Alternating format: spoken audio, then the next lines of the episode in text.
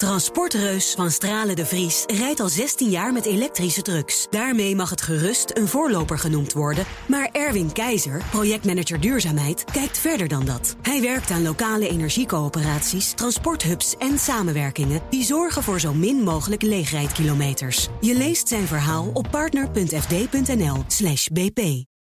Scherp. BNR Nieuwsradio. De wereld. Bernard Hammelburg. Welkom bij het beste binnenlands programma over het buitenland. Straks, de Turkse president Erdogan wil een prominente tegenstander graag opsluiten. Maar dat kan tot grote economische gevolgen vanuit Europa leiden. Terwijl de lira op een dieptepunt staat. Daarover Turkije-correspondent Joost Lagendijk. Maar nu eerst, Duitsland heeft een nieuwe regeringscoalitie. En toen hadden wij graag een stukje laten horen van uh, Schulz, maar dat geeft niks. Het wordt de stoplichtcoalitie, de rode sociaal-democratische SPD, de gele liberale FDP en de groene. Ik praat erover met René Cuperus, Duitslandkenner verbonden aan het instituut Klingendaal en gastonderzoeker aan het Duitsland Instituut. Welkom terug in het programma. Fijn dat je er weer bent. Dankjewel, goedemiddag. Allereerst die presentatie, hoe, hoe heb jij daarnaar gekeken? Nou, dat was, dat was gistermiddag, hè? Uh, heel, heel, heel opvallend. Enorm euforisch. Beetje klef, vond ik het zelf. Ja, ik ook, ja. En lang. Lang. Ja, met allemaal mensen die, waarvan je denkt, waarom moeten die ook nog wat zeggen? Ja, die, die twee muppets van de SPD, he, die, dat voorzittersduo wat er, wat er bij stond. Maar ik vond het heel klef. Het was alleen elkaar bewieroken, prijzen. Ze hadden nog nooit zo leuk onderhandeld als met, met elkaar. Ze hadden heel veel van elkaar geleerd. Ik vond het een beetje vals euforisch. Ja, ja. Nou, ik, ik, ik had diezelfde indruk en ik vond het ook, maar dat heb ik altijd met die grote, lange Duitse zin. Ik vond het ook zo saai. Ja, nou, ik, ik, lag niet echt dubbel van het lachen. Zou nee, Duitse humor blijft een probleem. Maar ik moest wel. Ik, ik, vond het niet saai omdat er wel interessante dingen gebeuren. Zeker, daar gaan we het nu over hebben. Ja. Slogan van de coalitie: meer voorschieft wagen, oftewel meer vooruit. Ja. Voorschietwagen, ofwel meer vooruitgang aandurven. Ja. Uh, dat was een eerbetoon aan oud-kanselier Willy Brandt, toch? Ja, klopt helemaal. Die had meer democratie wagen, hè, meer democratie wagen in de jaren 60, 70, in de tijd van de democratisering, culturele revolutie. dat was een beetje de progressieve kanselier van Duitsland, zeg maar de Joop den Uyl van Duitsland, zou ik maar zeggen, maar dan nog iets groter.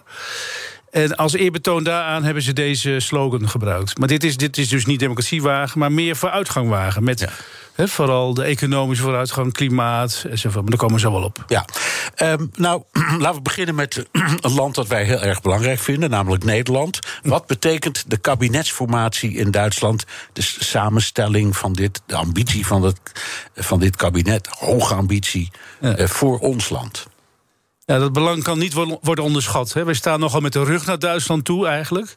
Veel meer dan ons goed is. We zijn eigenlijk economisch en misschien politiek zelfs wel een soort deelstaat van Duitsland, Nederland. Ja. Vooral economisch. Ja, en ik zeg altijd: Rotterdam is een Duitse haven. Rotterdam is een Duitse haven. Heel veel industrie in Nederland is eigenlijk toeleveringsindustrie voor de Duitse industrie. Dus wij zijn enorm afhankelijk van Duitsland, in goede zin en in slechte zin. Dus als daar, als die grote reus die tanker gaat bewegen en een andere koers opgaat, dan is dat enorm belangrijk voor ons. En, en dus maak het eens concreet. Wat, wat betekent dat nou, nou bijvoorbeeld? Kijk, Kijk, ze zijn hyper ambitieus op het gebied van klimaattransitie. Hè? En dat moet je als Duitsers iets serieus doen, dan doen ze het ook echt. Hè? Dat is, dat is, geen, geen retoriek. Want zelfs de industrie zit eigenlijk ook in deze klimaattransitie in Duitsland. Dus ik, dit, ik noem het zelf eigenlijk de nieuwe groene industriële revolutie. Zij zijn echt bezig om die. Hè, Duitsland is het belangrijkste industrieland van Europa. Zij proberen dat klimaatneutraal te maken in twee decennia ongeveer. En dat levert enorm veel kansen op voor Nederland voor de toeleveringsindustrie van Nederland. Niet alleen moeten we mee, we zullen wel mee moeten in die klimaattransitie, want anders kunnen we niet meer leveren aan de Duitse industrie. Zij eisen ook van een hele productieketen, ook in Helmond en ook in Eindhoven, dat we meegaan in die transitie. Maar we zijn ook iets slimmer vaak en iets sneller dan in Duitsland. Ook iets slordiger, maar dat biedt ook kansen. zij, zij zijn een olietanker die vrij langzaam die klimaattransitie nu inzetten. En op dat pad is liggen er heel veel kansen voor het Nederlandse bedrijfsleven, industrie en universiteiten. Ja. Dus voor uh, iedereen die, laten we zeggen, wetenschappelijk progressief denkt in Nederland, is dit een opsteker. En misschien ook voor uh, ondernemers die uh, vooruit willen, ook met die transitie.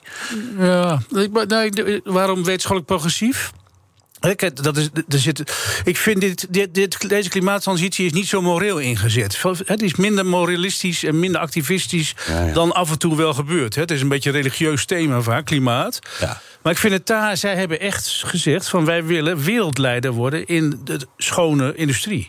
Voor Amerika en voor China. Ja, even voor de duidelijkheid. Nog steeds zonder kernenergie? Nou, zelfs dat is nu open. Dus die, die wende van toen die is weer opnieuw aan het wenden. De atoomenergiewende, ja. de Austiek, die is nu op. Die dat is, was dat daar is een na, opening na, nu. Na Fukushima riep ja, Merkel dat willen we niet meer, maar nu zeggen klopt. ze het misschien toch. Ze hebben het misschien toch nodig. Ja. In de overgang. Dus de FDP, die is een voorstander van kernenergie, heeft hier een punt gemaakt. Die heeft een opening gecreëerd bij de Groenen voor kernenergie. Ja, Duitsland wil net als Nederland van het gas af.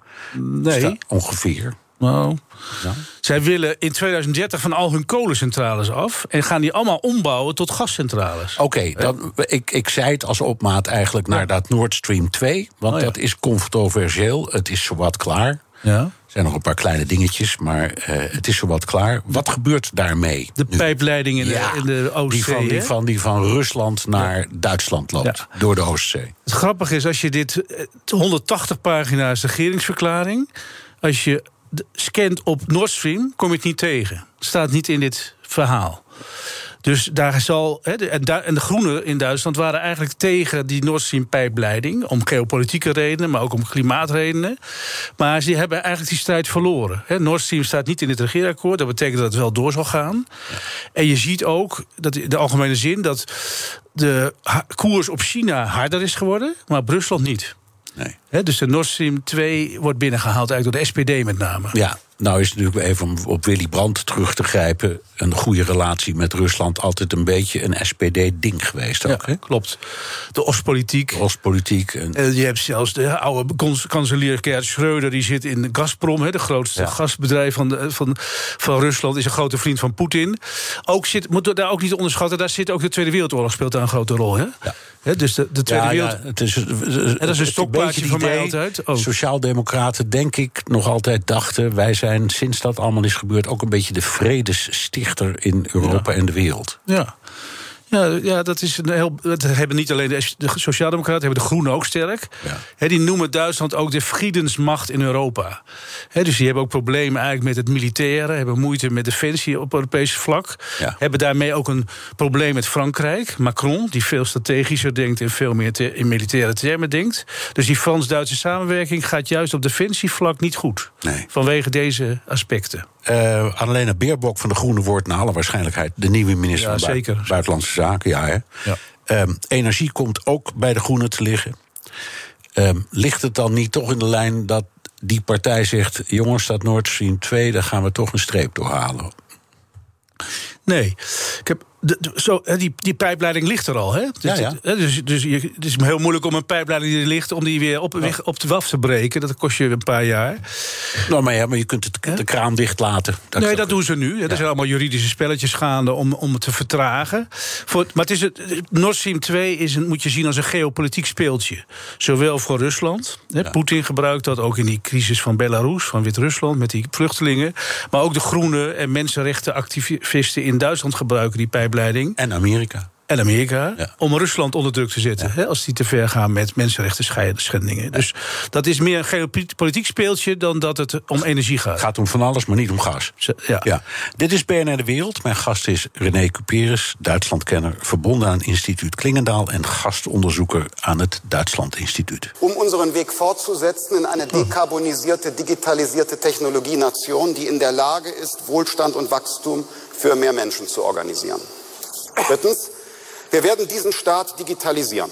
Wie in Duitsland ook maar iets buiten de stad komt, weet dat er zowat geen internet is. Digitalisering is dan ook een ander speerpunt van de nieuwe coalitie. Dat zei FDP-voorzitter Christian Lindner hier net. Mm. Uh, de ambitie is uh, op dit thema torenhoog. Hoe wil Duitsland dat aanpakken? Mm -hmm. Want je moet gewoon echt gewoon uh, overal de straten openbreken en lange glasvezelkabels aanleggen. En dat door zo'n enorm groot land. Wat wij natuurlijk wel gedaan hebben. Wij wel, ja. En dat gaan zij nu ook doen. Dwars door het, roer, hè, dwars door het roergebied heen en dwars door alle bergen en heuvels heen. En dat, daar wordt enorm veel geld voor uitgetrokken. Voor de digitale netwerkinfrastructuur. Uh, en ik denk dat ze, Duitsland loopt vreemd genoeg achter op de rest van Noordwest-Europa. Het faxapparaat staat daar nog steeds op kantoren. Contracten worden heen en weer gefaxt. Dat hebben ze nu al door, dat ze dit niet, zich niet meer kunnen veroorloven. Zelfs China is veel verder digitaal. Een, 1 miljard mensen is verder digitaal dan Duitsland. Ja. Dus die inhaalslag gaan ze nu maken. En dat zal vooral plaatsvinden via infrastructuurinvesteringen. Ja. En hebben wij, heeft de Nederlandse industrie daar ook nog een, eh, een beetje baat bij? Of betrekken ze dat uit andere nou, nee, ik, ja, ik kan niet helemaal overzien wie in Nederland daar voor klaar staat. Het grote, grote debat is natuurlijk van wel of niet 5G uit China halen. Hè? Ja. Huawei, hè, dat, is, dat is een groot debat geweest onder Merkel. Wat, wat pragmatisch is afgelopen. Dus maar daar zal Nederland heeft ook voordelen bij. Met dat soort uh, uitbouwen. Omdat wij ook verder zijn dan Duitsland daarin. Ook even de positie van Duitsland in Europa. Het, nieuwe Duitsland uh, in Europa. SPD, F, uh, FDP, de Groenen zijn allemaal Europa gezinde partijen. Ja, toch? Dat klopt. Klopt. Ja, en hoe zien, wat merk je dan in het coalitieakkoord en hoe zien de Duitsers de toekomst ja. daarvan? Nou, dat, ze zijn wel. Hè, er zit wel. Uh, zij zijn alle drie, wat het DNA betreft, pro-Europees. Pro-Europeeser dan de christendemocratie in Duitsland. Waar toch wel wat sepsis ook zit, met name in de Beierse CSU. Dus dat zie je ook wel terug in het regeerakkoord. Er wordt zelfs gesproken. Het einddoel van Europa is een federale bondstaat. Ja. Eigenlijk de Verenigde Staten van Europa. Dat is hun einddoel. Die soep wordt minder hard heet gegeten dan, het, dan die wordt opgediend. Er zit wel een rem, vooral op het financiële. De FDP heeft niet voor niks de minister van Financiën geclaimd. Die Christian Lindner, die we net hoorden. De FDP-chef. Die zit eigenlijk op de Nederlandse lijn van soberheid in Europa. Geen verdelingsunie maken tussen Noord en Zuid. En die hebben ze nu als waakhond neergezet op het ministerie van Financiën. Zeer tegen de zin van Italië, Spanje en Frankrijk. Die, hadden, die wilden eigenlijk die Lindner niet op financiën hebben. Omdat dat zo'n harde Noorderling is. En is dat dan, ja, maar dat is dus niet een federalist, zal ik maar zeggen. Dat is wel een federalist, behalve op het financiële. Als het maar niet om geld gaat. Nee, meer op de buitenlandse politiek. Ja, oké. nou, een ander punt dat in Europa speelt, de, de, positie van Polen en Hongarije, is heel veel over te doen. En dan kom je op die kwestie van het vetorecht. Mm en. Uh, om zo'n Verenigde Staten van Europa mogelijk te maken, moet, wil eigenlijk die coalitie wel van dat vetorecht af. Ja, klopt. Uh, maar is dat nou echt waar? Of is dat voor de bühne? Of, of, want wie wil er nou van zijn eigen veto af? Uh, nou ja, dat is niet helemaal onzin. Het gaat dan vooral om de, om de veiligheidspolitieke kant van. De, het probleem van Europa is natuurlijk, we zijn te verdeeld. We, we, zijn met te veel landjes om snel te kunnen reageren op crisissituaties in de wereld. dat kan geblokt worden door Malta, of door Cyprus, of door Letland. en, en, de grote vraag is: kan Europa geopolitiek overleven in deze wat heftiger geopolitieke wereld. als je zo verdeeld bent en geen snelheid kan maken? Dus dat is wel een serieus punt. Vooral op dat veiligheidspolitieke crisissituatie achter punten. Hè. Er zijn ook voorstellen om een Europese Veiligheidsraad in te stellen. Bijvoorbeeld. Om, de, om dat, en dat heeft hiermee te maken. Dus het, dit staat al lang in de Duitse verkiezingsprogramma's. We moeten meerderheidsbesluitvorming hebben in de Europese Buitenlandse Ministersraad of in de eh, Raad van Regeringsleiders. Het probleem is dat die kleine landen hun vetus moeten opgeven om dit mogelijk te maken. Dat gaan ze niet doen. En dat, gaat, is een beetje de opheffing van de Eerste Kamer. Ja. Daar moet de Eerste Kamer mee instemmen. Dat, dat kan heel, heel lang duren, dit soort plannen. Ja, ja, of de uitbreiding van de veiligheid Veiligheidsraad van de Verenigde Naties. Daar gaat de Veiligheidsraad over. Daar gaat dus ook nooit Zoiets is het, hè? Nee, dat is waar. Ja. Um, eventjes bij de presentatie van uh, het, het regeerakkoord, het, uh, het coalitieakkoord, hoorde ik de nieuwe bondskanselier Frankrijk noemen, met name, en de Verenigde Staten met name. Mm -hmm. En uh, ik dacht toen zijn dat in feite eigenlijk de enige landen naar wie Duitsland echt serieus kijkt. Nou, dat is een goede vraag. In, in het regeerakkoord staat er nog één land bij, Polen. dat is ook ja, maar dat noemde, dat noemde hij niet. Nee, nee, maar er staat er altijd in hetzelfde rijtje. Frankrijk. Je hebt de Weimar Dreieck met Frankrijk, Polen en Duitsland. Die willen ze weer een nieuw leven inblazen. En Amerika. Dus hij wil heel sterk benadrukken dat ook al is dit een links-progressieve coalitie, dat men wel erg hecht aan de NATO en aan de transatlantische verhoudingen. dat, dat, heeft hij duidelijk gemaakt. En Frankrijk is de eerste partner voor Duitsland. Dus je zult ook zien dat Scholz, als hij op 7 december gekozen wordt. En eerste wat hij doet? Die zit of 7 december of 8 december zit hij in Parijs. Juist. Ja, handjes schudden met Macron. Dus dat is de pilaar van de Europese samenwerking voor hen. Nederland komt niet voor, wordt niet genoemd in dit regeerakkoord. Heb ik ook even gegoogeld of gecheckt. Uh, dus onderschat dat ook niet. Dus je hebt gelijk, ze, ze, kijken eerst naar de grote landen. China hoort er ook nog bij, qua handel en economie. Maar, ja, maar de provincie Nederland wordt overgeslagen. Die wordt, uh, ja. bij, bij de grote geopolitieke vraagstukken speelt Nederland minder rol. We gaan even naar Europa-verslaggever Geert-Jan Haan. Die zit uh, ergens in Frankrijk. Geert-Jan, waar, waar, waar zit je en wat doe je? Ik uh, zit vlak voor de grens met Luxemburg. Ik probeer Luxemburg te bereiken. Maar voor deze uitzending ben ik eventjes uit de trein gestapt... en zit ik op een uh, esplanade voor het station van Thionville. Spannend, hè? Ja, ja, nou, in zoverre spannend. Dat, je zit in afval in het land dat Duitsland serieus neemt. ja? Um, even, ja. even naar de, de, de Duitse ontwikkelingen. Hoe wordt daar in de EU-lidstaten op gereageerd, Geert-Jan? Ja, men vindt het toch wel spannend hoor. Uh, en de eerste handschoenen zijn ook al afgegaan. Want de belangrijkste onderhandelaars van de FDP en de uh, Groenen... die laten aan de heer Schiegel weten dat er echt meer geen uh, concessies meer worden gedaan... in die rule of law discussie. En dat betekent dus dat Polen en Hongarije... die zouden dan voorlopig kunnen fluiten naar hun corona-herstelfonds gelden... als de Duitsers daar dan, je had het al over vetorecht, nog meer handen voor op elkaar krijgen. Maar de tijd van pappen en nat houden is wat dat betreft wel misschien voorbij. En dat ligt ook zeker aan de FDP, niet alleen aan de Groenen. Um, en dat komt dus ook doordat er zeer strenge, concessieloze onderhandelaars door deze partijen zijn ingezet. En iedereen houdt een beetje de adem in, ook wat betreft confrontatiepolitiek en Oostpolitiek. Uh, als er een brandje was met Rusland, dan ging brandweervrouw Merkel met haar slang aan de slag. En nu is het zo dat Olaf Scholz, uh, wat jullie ook al een beetje benadrukten, die wil ook wel sussen en blussen. Maar die andere twee zijn er niet zo van hoor. Is dat zo, nee? Die zijn er minder van. Ja, ja klopt wel. Dat klopt wel, dat klopt. Hey, uh, even voor de factcheck. Ja, nou, nee, maar goed, het is leuk om te. Nou, weet je, op station. Op, dat, dat pak papier op dezelfde manier lezen en ook de reacties. Ja. Wat zijn de reacties in het Europarlement, Geert-Jan? Ja, ik was de afgelopen twee dagen in Straatsburg. Nou, de EVP, Europese Volkspartij, grootste fractie, vindt het niet zo leuk natuurlijk. Want uh, geen uh, CDU, CSU meer aan de knoppen. Um, maar ook de Europarlementariërs die bij deze coalitiepartijen zitten, die zijn toch ook wel verrast. En dat het zo'n vaart zou kunnen lopen. Um, ja, ze zijn heel benieuwd. Uh, Europese Commissie vind ik wat lastiger te peilen. Heeft ook te maken met Ursula von der Leyen. Um, ik hoor best wel onvrede bij Europarlementariërs die zeggen dat zij alleen maar bezig is met successen boeken en uitdragen. Uh, bijvoorbeeld met dat corona-herstelfondsplan. Dat ze dan de hele tijd een vinkje zet als er weer een land is dat met succes een plan heeft ingediend en een uitbetaling heeft gekregen. Uh, ja, en het is de president. Maar ze blijft ook een Duitse conservatieveling. En haar rol wordt best wel precair en spannend. Denk ik dan. Ik weet niet hoe René Cuperus daarover denkt. Hoe denk jij erover, René? Ja, ik denk dat ze in die end wel voor de Duitse belangen ook staat. Eh, Europees en Duitse belangen gemixt.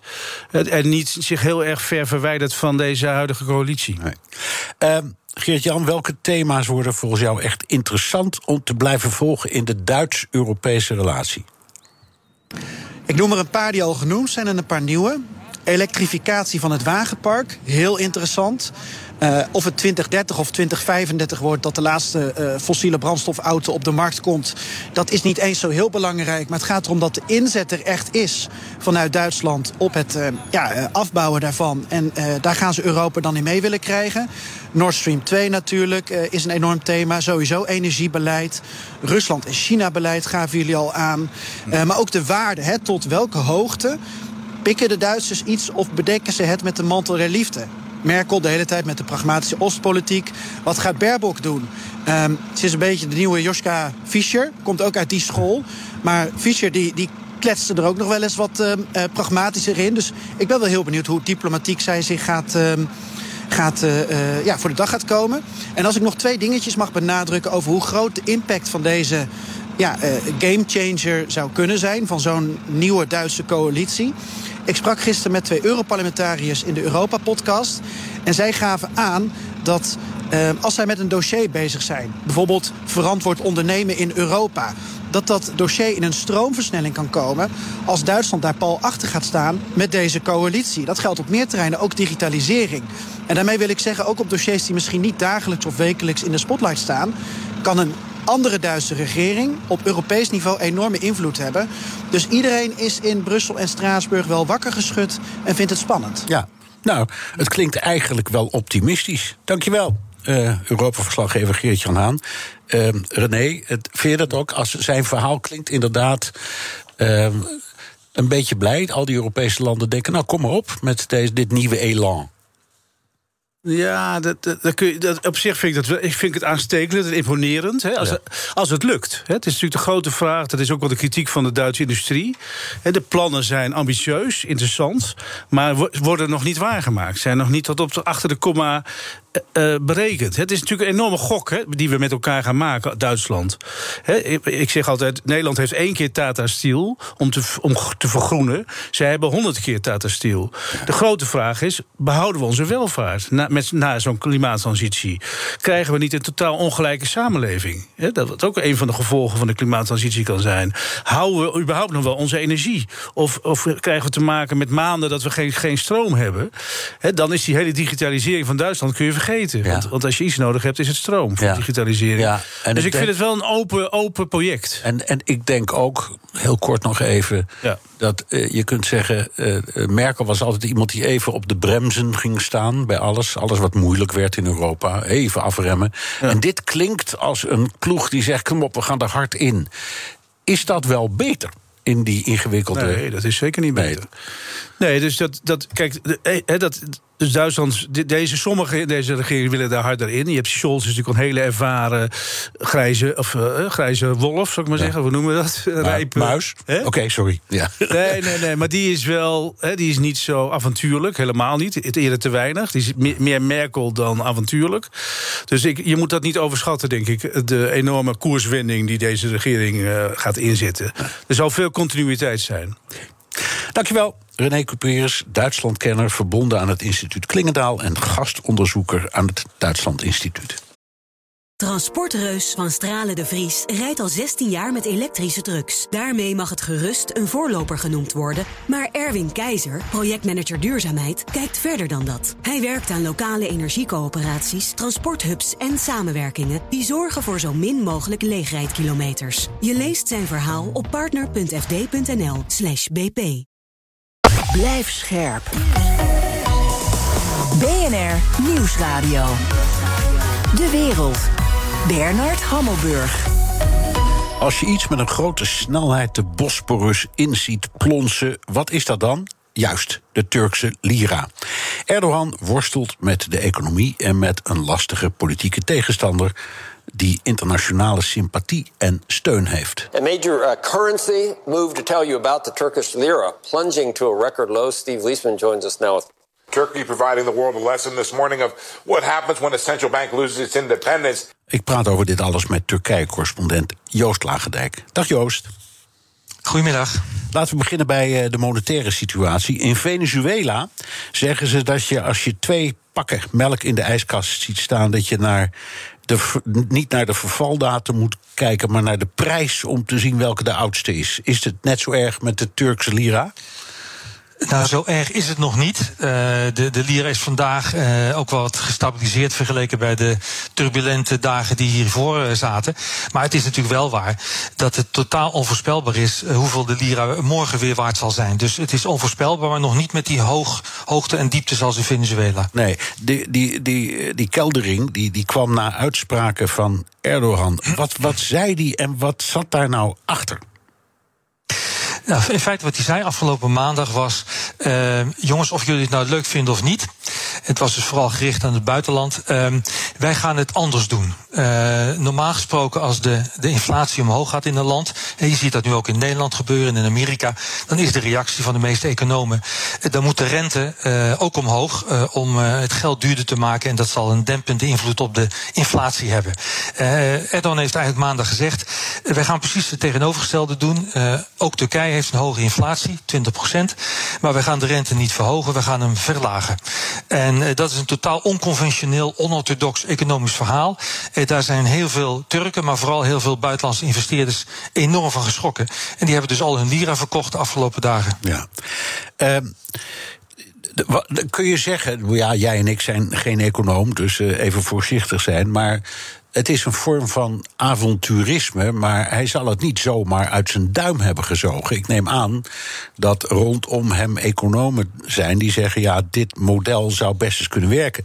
En je hebt ook ooit Keynes gehad of Milton Friedman, die ook met hele revolutionaire, contraire theorieën kwamen. Dus op zichzelf zou het misschien best kunnen werken. Eh, nou ja, je hebt gelijk als je zegt, eh, en het is ook de mening van veel Turkse economen, dat dit eigenlijk één groot experiment is eh, met de Turkse economie. En, en voeg ik daar maar aan toe met het inkomen van miljoenen Turken. Maar het klopt, ehm, hij heeft dit niet van de ene dag op de andere verzonnen. We, we weten al heel lang dat Erdogan, en dat heeft heel erg te maken met zijn islamitische opvattingen, een tegenstander is van rente. Rente is iets wat in veel islamitische landen een slechte naam heeft. En Erdogan heeft zich daar al heel lang geleden bij aangesloten. Het klopt ook dat hij omringd wordt door economen die hem daarin steunen. Die zeggen, ja, de rest van de wereld zegt wel dat het slecht is, maar wij zijn ervan overtuigd dat het kan werken. Want lage rente betekent dat het goedkoop is om te lenen. Dus eh, dat zal goed zijn voor de economie. Het zal goed zijn met name voor de Turkse export. Goedkope lira. Dus eh, Turkse producten worden goedkoper voor het buitenland. En ja, die hoge inflatie, ach, die verdwijnt vanzelf. Dat is eigenlijk de redenering hierachter. Nogmaals, je zult buiten Turkije weinig economen vinden die het hiermee eens zijn. Maar eh, hij, Erdogan en zijn entourage zijn er wel van overtuigd. En hij, is- hij eh, heeft dan waarschijnlijk ook scrupules over wat in Amerika en in Europa gebeurt, waar de ECB en de Fed eh, langzaam ehm, die eh, opkoopprogramma's beginnen af te bouwen, waardoor de rente stijgt. Ehm, is dat iets waarvan die. Nou, ik zal, hij kan er niet zo heel veel aan doen, maar hij zal er de pest over in hebben, denk ik. Nou, hij zal er pest over in hebben, omdat hij vindt dat dit dus het verkeerde antwoord is op, een, eh, op stijgende inflatie. Ehm, hij heeft er op een andere manier nog mee te maken. Ehm, namelijk dat eh, doordat de rente was, zeer waarschijnlijk zal gaan stijgen in Europa en Amerika, wordt, worden die landen weer aantrekkelijker voor zo, zogenaamd hot money. Mensen die heel snel hun geld ergens in willen steken. Want je kunt nu dus eh, hogere rendementen krijgen binnenkort in Amerika en in Europa. En dat betekent dat de, die, die landen of die investeerders hun geld weghalen eh, uit Turkije. Ja. Dus hij is er op twee manieren eh, on- ontevreden over. Ja. Wat betekent het voor de Turkse burger, de Turkse werknemer, de Turkse zakenman, vooral kleine zakenman? Merkt hij hier iets van? Jazeker, die merken hier al een tijdje iets van. Want de, de hele aanleiding van deze discussie is dat de inflatie eh, heel groot is. Je kunt simpelweg eh, op dit moment met hetzelfde bedrag aan lira 20% minder kopen dan vorig jaar op hetzelfde moment. Eh, de inflatie is 20% volgens sommigen zelfs nog veel hoger. Heel, heel concreet, als je naar de markt gaat of naar de supermarkt, dan kun je, kun je gewoon, er zijn de prijzen omhoog gegaan, je kunt gewoon simpelweg minder besteden. Een tweede gevolg is dat van die zwakke lira, is dat importproducten uit het buitenland duurder worden. Hè, want ja, je, hebt, eh, je moet simpelweg meer eh, lira's op tafel leggen om- dezelfde dollarproducten of europroducten te kopen. Ja, maar dan moet de Eh, export dus groeien. Ja, de, maar de export groeit ook. Dat is natuurlijk het, het rare verhaal. Als je kijkt naar de, hoe gaat het nu met de Turkse economie, zou ik zeggen, kijkend naar de inflatie en de zwakke lira, niet goed. Maar als je kijkt naar de groei, er wordt simpelweg gewoon meer geproduceerd, er wordt meer geëxporteerd. Dus, ehm, maar goed, om een voorbeeld te geven, eh, heel concreet, eh, Apple eh, heeft deze week de verkoop online stilgelegd, omdat alle iPhones en iPads moeten nieuwe prijzen in lira krijgen, omdat die zijn nu simpelweg te goedkoop. Dus die worden alle importproducten, Apples is er daar één van, maar er zijn natuurlijk heel veel meer dingen die Turkije binnenkomen, die worden allemaal duurder. En dat merken natuurlijk mensen die gewoon een, een iPhone willen kopen. Ja.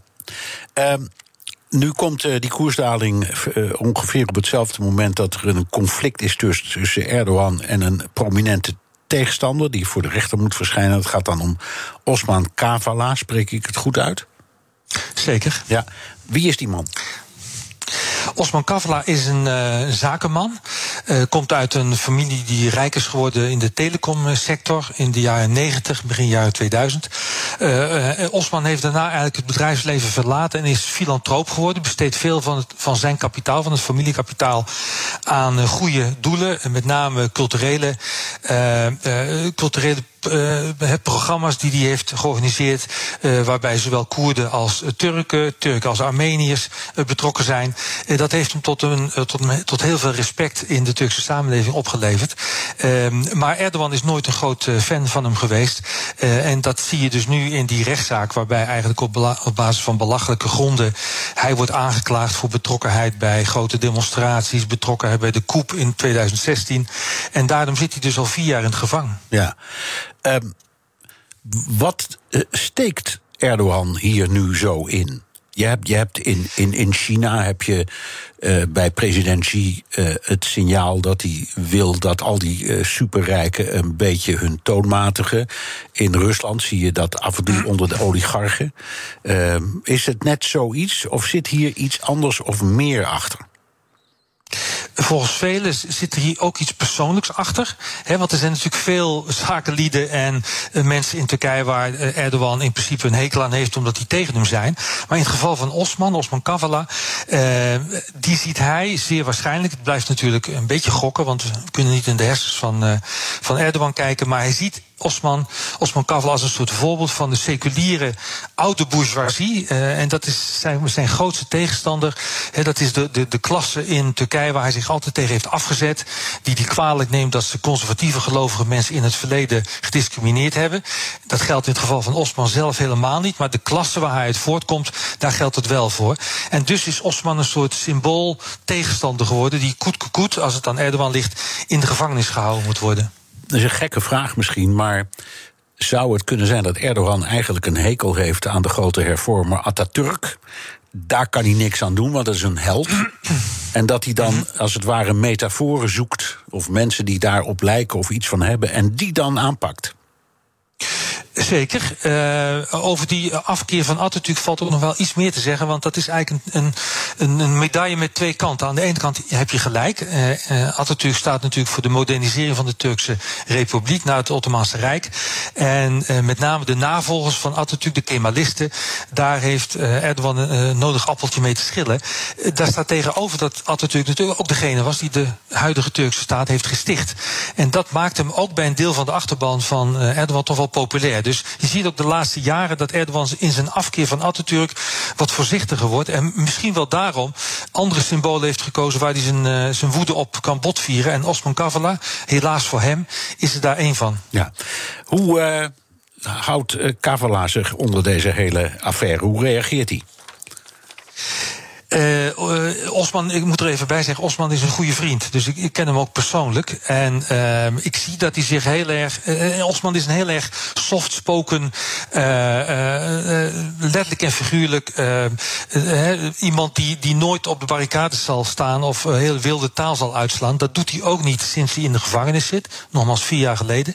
Ehm, hij heeft tot nu toe toch geprobeerd om te denken van, nou ja goed, misschien dat deze rechtszaak wel goed afloopt.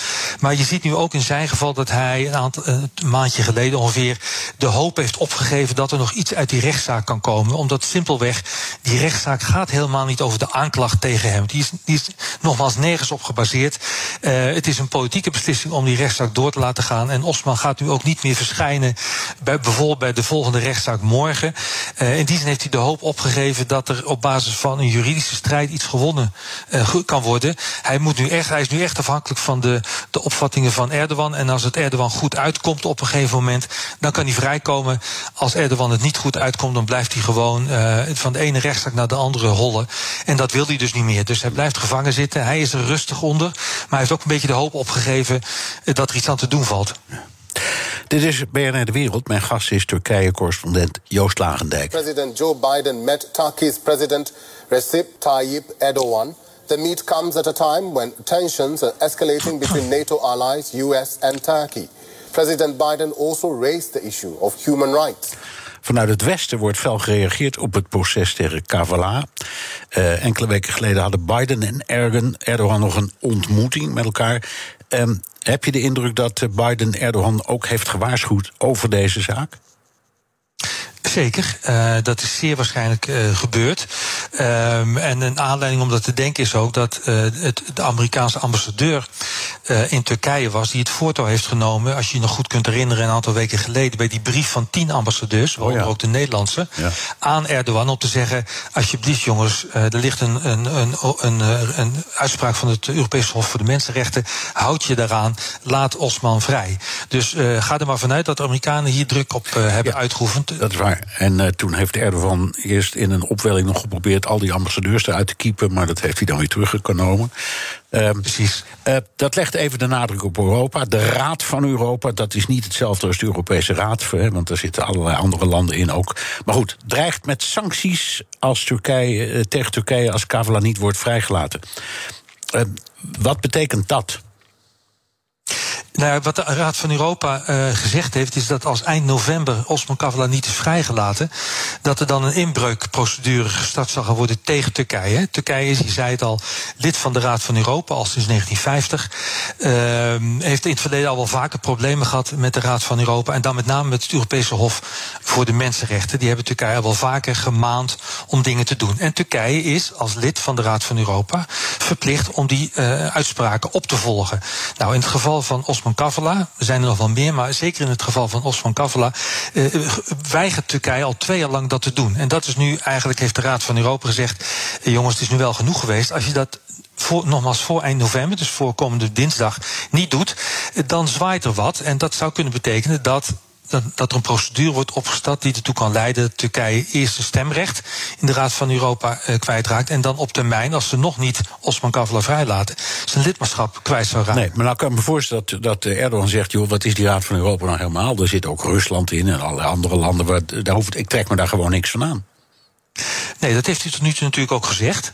Um, maar daar komt toch wel. Uh, dat zou kunnen betekenen als dat zover komt. Hè, want het is wel een groot als, want dat gaat niet gelijk in december gebeuren. Maar stel dat het zo is dat uh, Turkije zijn lidmaatschap van de Raad van Europa kwijtraakt, zou dat voor de eerste keer zijn dat zoiets gebeurt. En dat zou voor het imago van Turkije als Europees land, hè, waar het veilig investeren is, een enorme klap betekenen. Dat zou betekenen dat bovenop die economische problemen die we nu al zien, het betekent dat Europese investeerders en Amerikaanse investeerders de boodschap krijgen.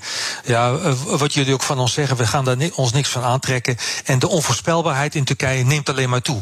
En dat zou betekenen dus dat de Europese investeringen die Turkije broodnodig nodig heeft, dat, die, uh, uh, dat er nog een obstakel op de weg komt om die te krijgen. En, en dat zou dus ook voor de Turkse economie, los nog van de Turkse politiek, voor de Turkse economie een volgende klap zijn. Ja, maar dan even terug naar het proces en zeker de, de stap die dan morgen wordt gezet. Dat, dat zijn toch allemaal dingen die Erdogan zich zal uh, uh, realiseren. Dus die, die, die ja. neemt enorme risico's hiermee. En, en, en ja, goed. in een risico. En, en, ja. en, en zo geweldig gaat het ook niet met hem in de peilingen en ga zo maar door. Dus ja, welk spel speelt hij dan uiteindelijk? Nou, kijk, op economisch terrein is dit dus eigenlijk, wat, wat ik al zei, een soort groot experiment. Uh, om te kijken of het op een andere manier ook kan. Tegen alle economische wetten in. Uh, en op de tweede plek zie je ook, en zo kondigde hij dat ook maandag aan. Uh, hij zei: Kijk, wat wij nu gaan doen is een. we zijn ervan overtuigd dat het gaat werken. Het buitenland zal dit veroordelen. Maar wij zullen deze economische strijd voor onafhankelijkheid winnen. Met andere woorden, je ziet dat dit gekaderd wordt, geframed wordt. door Erdogan als één grote de strijd tegen het boze buitenland. En daar, en daar uh, past de zaak Kavala dus ook in. Precies. Ja. Hij zal zeggen, kijk, Europa wil dat wij hem vrijlaten. Wij gaan niet buigen voor die druk vanuit Europa. Wij doen ons eigen ding. Zo zal hij het framen. En dan neemt hij dus een enorm risico, maar dat doet hij bewust. Omdat het in mijn ogen ook de laatste strategie is die nog zou kunnen werken om zijn uh, om, om, zijn peilingen uh, te, te, verbeteren. In 2023, hè, over anderhalf jaar, zijn de verkiezingen. En in die zin is dit een soort wanhoopsoffensief, zowel economisch als politiek, om uh, te zeggen: nou goed, wij doen, we do it our own way. En de, de rest kan stikken. Ja. Nou, een rare gok, zou je zeggen. Want hij kan die Kavala ook gewoon laten vrijlaten. En dan heeft hij weer een beetje ruimte. En dan kan hij zijn economische experiment nog steeds doorzetten. Ja, daar, daar valt veel voor te zeggen, Bernard. Maar zo, denkt eh, Erdogan op dit moment in ieder geval niet. Laat onverlet dat Erdogan is ook de man van de U-bochten. Het kan best zijn dat als het, als, het, als het vuur te heet wordt, als het te slecht gaat met de economie, als dat experiment dus niet lijkt te werken, dat hij alsnog besluit om met een groot gebaar Osman Kavala vrij te laten. Dat is de onvoorspelbaarheid van het huidige Turkije, dat is de onvoorspelbaarheid van Erdogan. Dus het blijft afwachten de komende anderhalf jaar. Dankjewel, Turkije-correspondent Joost Lagendijk. Postma in Amerika. Tijd voor het Amerikaanse nieuws door de ogen van onze correspondent in Washington, Jan Postma. Jan, de Democraten zijn kritisch op hun eigen president Biden. Want hij is niet genoeg zichtbaar. Ja, hij had natuurlijk een succes, succesje met zijn infrastructuurplan een paar weken geleden. Maar Amerikanen weten eigenlijk nog steeds amper wat erin staat. En zijn er dus eigenlijk ook niet heel positief over. En in de partij maken ze zich nu zorgen. Want als dit plan niet beter verkocht wordt aan het Amerikaanse volk, als Biden dit niet beter uitlegt. en ook ja, dus echt langs de deuren gaat, bij wijze van spreken, om dit uit te leggen. dan plukken de Democraten er straks ook niet de vruchten van, vrezen zij. En zij zijn bang eigenlijk dat op dit moment het al een beetje te laat aan het worden is. Want de Republikeinen die praten er wel over. En een soort framingoorlog uh, die, die daarover gaande is. En dat die Republikeinen dat al uh, gewonnen hebben. En daar is heel wat uh, gesteggel over. Van ja, we moeten Biden meer op tv zien ook. En als je kijkt naar de cijfers. Biden is echt minder in de media dan zijn voorgangers. Hij is negen maanden president nu. Deed zo'n twaalf interviews. Trump deed in die tijd zo'n 50 interviews en Obama deed er meer dan 100. En ja, dit is een beetje wat we ook al tijdens zijn campagne zagen. Biden is niet op zijn sterkst tijdens die interviews en dus schermen ze hem een beetje af. Ze willen geen risico nemen. Eigenlijk zit hij gewoon nog steeds in zijn keldertje. Ja, ja zoiets. Joe ja. zit nog steeds een beetje, maar dan de Witte Huiskelder ja, inderdaad. Okay. Ja. Het Witte Huis zegt dat Biden ook in 2024 mee wil doen aan de verkiezingen. En dat geeft Amerikanen vandaag bij het Thanksgiving-diner een mooi gezelschapsspelletje. Ja, ja, we hebben hier gewoon een uh, vrije dag, uh, Bernard. Ik heb de Thanksgiving Parade, de Macy's Thanksgiving Parade, ook op tv in uh, jouw mooie New York. ja, er wordt enorm over gespeculeerd vandaag, denk ik, aan, aan de, de, de tafels. hij is nu 79. In 2024 wordt Biden 82. Ga je dan echt nog een keer meedoen? Ik, ik geloof er zelf niets van, maar het Witte Huis zegt dus van wel. En de reden dat er zo over gepraat wordt, is natuurlijk dat Biden's approval rating laag is. die van Kamala Harris is ook heel laag. En dat is natuurlijk zijn behoogde opvolger. En dus is er nu zo'n, uh, ja, onder Democraten zo'n gezelschapsspelletje ontstaan van uh, ja, speculeren. Wat moeten ze doen? Wat is nou het beste richting 2024? En ik denk zelf eigenlijk, ben benieuwd wat jij vindt, dat Biden wel moet zeggen ook dat hij het doet. Want anders wordt het natuurlijk helemaal chaos in die partij. En uh, voor de congresverkiezingen van volgend jaar zal hij het sowieso volhouden dat hij gewoon weer van de partij is. Want, want anders is hij geen partijleider meer. Nee, nee maar je kan ook zeggen dat. dat Kamala Harris en Joe Biden elkaar in de weg lopen in dat spel. Want als hij zegt: ik word kandidaat, ja, dan moet Kamala zich koest houden. En andersom ook. Ja, precies. En dan is het ook nog wel een beetje de vraag... die Kamala Harris is natuurlijk een eigenzinnige vrouw. Ik ben benieuwd of die dat ook uh, zo volhoudt... of we dan toch wat speldenprikjes uh, gaan krijgen. Dus ja. dat is best interessant. Ja. Uh, dan, Trump. Die wil nog niet zeggen of die gaat meedoen in 2024 dan is hij trouwens ook al behoorlijk oud, en laten we eerlijk wezen. Maar zijn, ja, team, zijn ja. team werkt wel vast aan de peilingen. Ja, en da daar, dat wordt dan gelekt. Daar kijken we allemaal naar natuurlijk. Uh, het ging over de vijf beslissende staten van 2020. Uh, Arizona, Georgia, Michigan, Pennsylvania en Wisconsin. Uh, die gingen allemaal met kleine verschillen naar beide. Daardoor won Biden het presidentschap. En, en als je kijkt nu naar deze peilingen... dan leidt Trump hier overal. In Wisconsin en Michigan zelfs met dubbele cijfers. ja, wat betekent dit, zul je dan afvragen? Nou, nog niet zoveel natuurlijk, want het is nog heel vroeg. En het is een interne peiling van de Trump-campagne, die officieel nog niet eens helemaal uh, bestaat. Uh, daar zit een doel achter ook natuurlijk dat ze het naar buiten brengen, dus een korreltje zout. Maar het is wel een erkende pijler, die in het verleden ook wel eens negatieve cijfers had uh, over Trump. En ik denk dan bij mezelf, ja, Trump zelf zal ook bij zijn besluit of hij weer meedoet, naar dit soort dingen kijken. Dit zal hij mee laten tellen, want dat is natuurlijk heel belangrijk voor Trump. Die wil winnen, dus die wil weten hoe groot is de kans dat ik ga winnen. En nou ja, dat ziet er op dit moment dus eigenlijk best positief uit. Ja, en hij moet dat zeker weten over die swing states, op zijn minst. En anders zou hij gek zijn als hij meedeed. Toch? Ja, precies. Dan heeft het helemaal geen zin. En uh, in deze peiling, die dus met een korreltje zout genomen moet worden, ziet dat er gewoon heel goed uit. En deze moet je hebben. Dit zijn de staten die, waar, waar de sleutel weer ligt, uh, waarschijnlijk in 2024. Dus uh, ik ben benieuwd wat hij ermee doet. Dankjewel, Jan Postma. Happy Thanksgiving daar in Washington. Wilt u meer horen over het fascinerende land? Luister dan naar Amerika, de Amerika-podcast van Jan en mij. En tot zover BNR De Wereld. Terugluisteren kan via de site, de app, Spotify of Apple Podcast. Reageren kan via mailtje naar dewereld.bnr.nl. Tot de volgende week. Transportreus van Stralen de Vries rijdt al 16 jaar met elektrische trucks. Daarmee mag het gerust een voorloper genoemd worden. Maar Erwin Keizer, projectmanager duurzaamheid, kijkt verder dan dat. Hij werkt aan lokale energiecoöperaties, transporthubs en samenwerkingen... die zorgen voor zo min mogelijk leegrijdkilometers. Je leest zijn verhaal op partner.fd.nl bp.